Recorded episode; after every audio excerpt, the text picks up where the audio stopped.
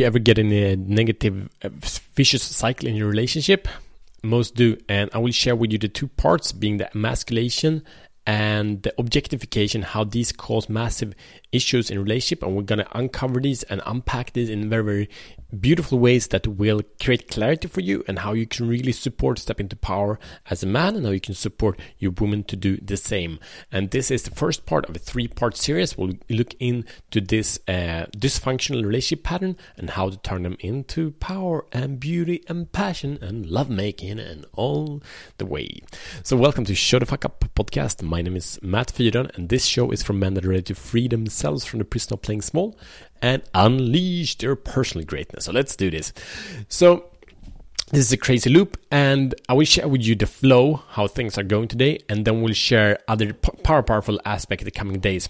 And if you have a man, if you have a friend that is in a relationship, if he's married, is if he has kids, if he's an awesome guy and you wish he could do better and he could be happier.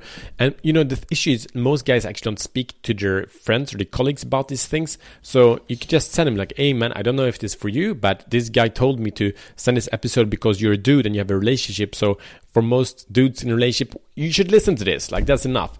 And this might save his life. This might save so much uh, challenges and, and, and frustration in his life.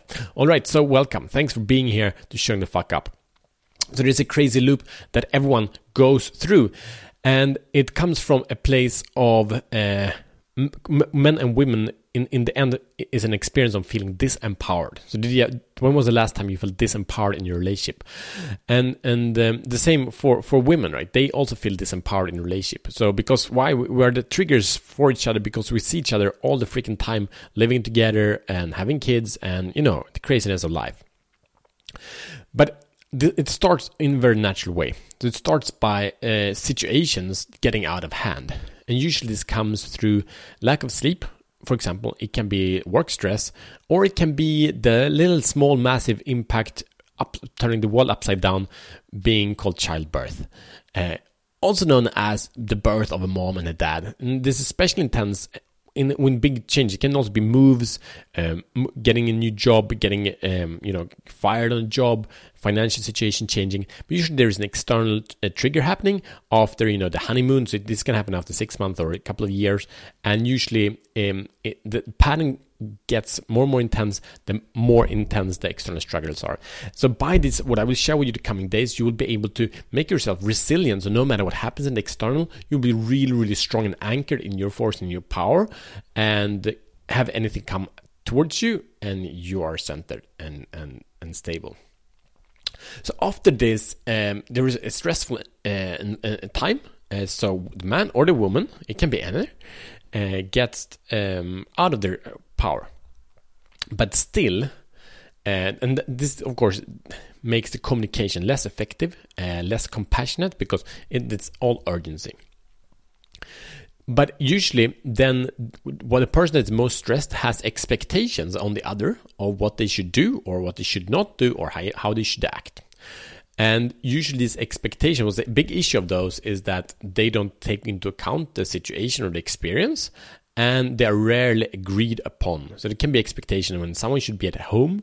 It can be expectation who should cook, who should be with the kids. It can be many kinds of expectations, but it's usually not uh, communicated clearly. And what happened then after the expectations is that uh, it's disappointment. So the one party gets disappointed on the other is like why are you uh, failing me and the, what this really is meaning is usually we feel don't don't feel seen, we don't feel heard, we don't feel appreciated, we don't feel loved. It can be for the man or for the woman, and it feels really really shitty. And we say because you didn't do this or that, you don't appreciate me, you don't love me, you don't think I'm important. Uh, it doesn't need to be the thing because the other thing person is just in their mind usually, but this is usually the, the path it goes. And from here, of course, uh, the person feeling love gets frustrated, get angry, and start expressing the blame. And and usually in, in a stressful situation, this doesn't come very pretty, and very few people are actually trained in effective communication strategies um, in in relationships.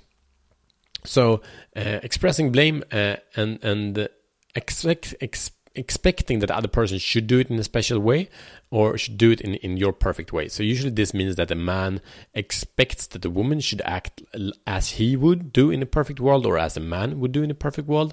And women usually expect that man men uh, would act as she would do in a perfect world. And we are terribly not able to do that because that's usually not how we think or act or behave. If you do, that's probably a warning sign that you're not acting from your core but from somewhere else.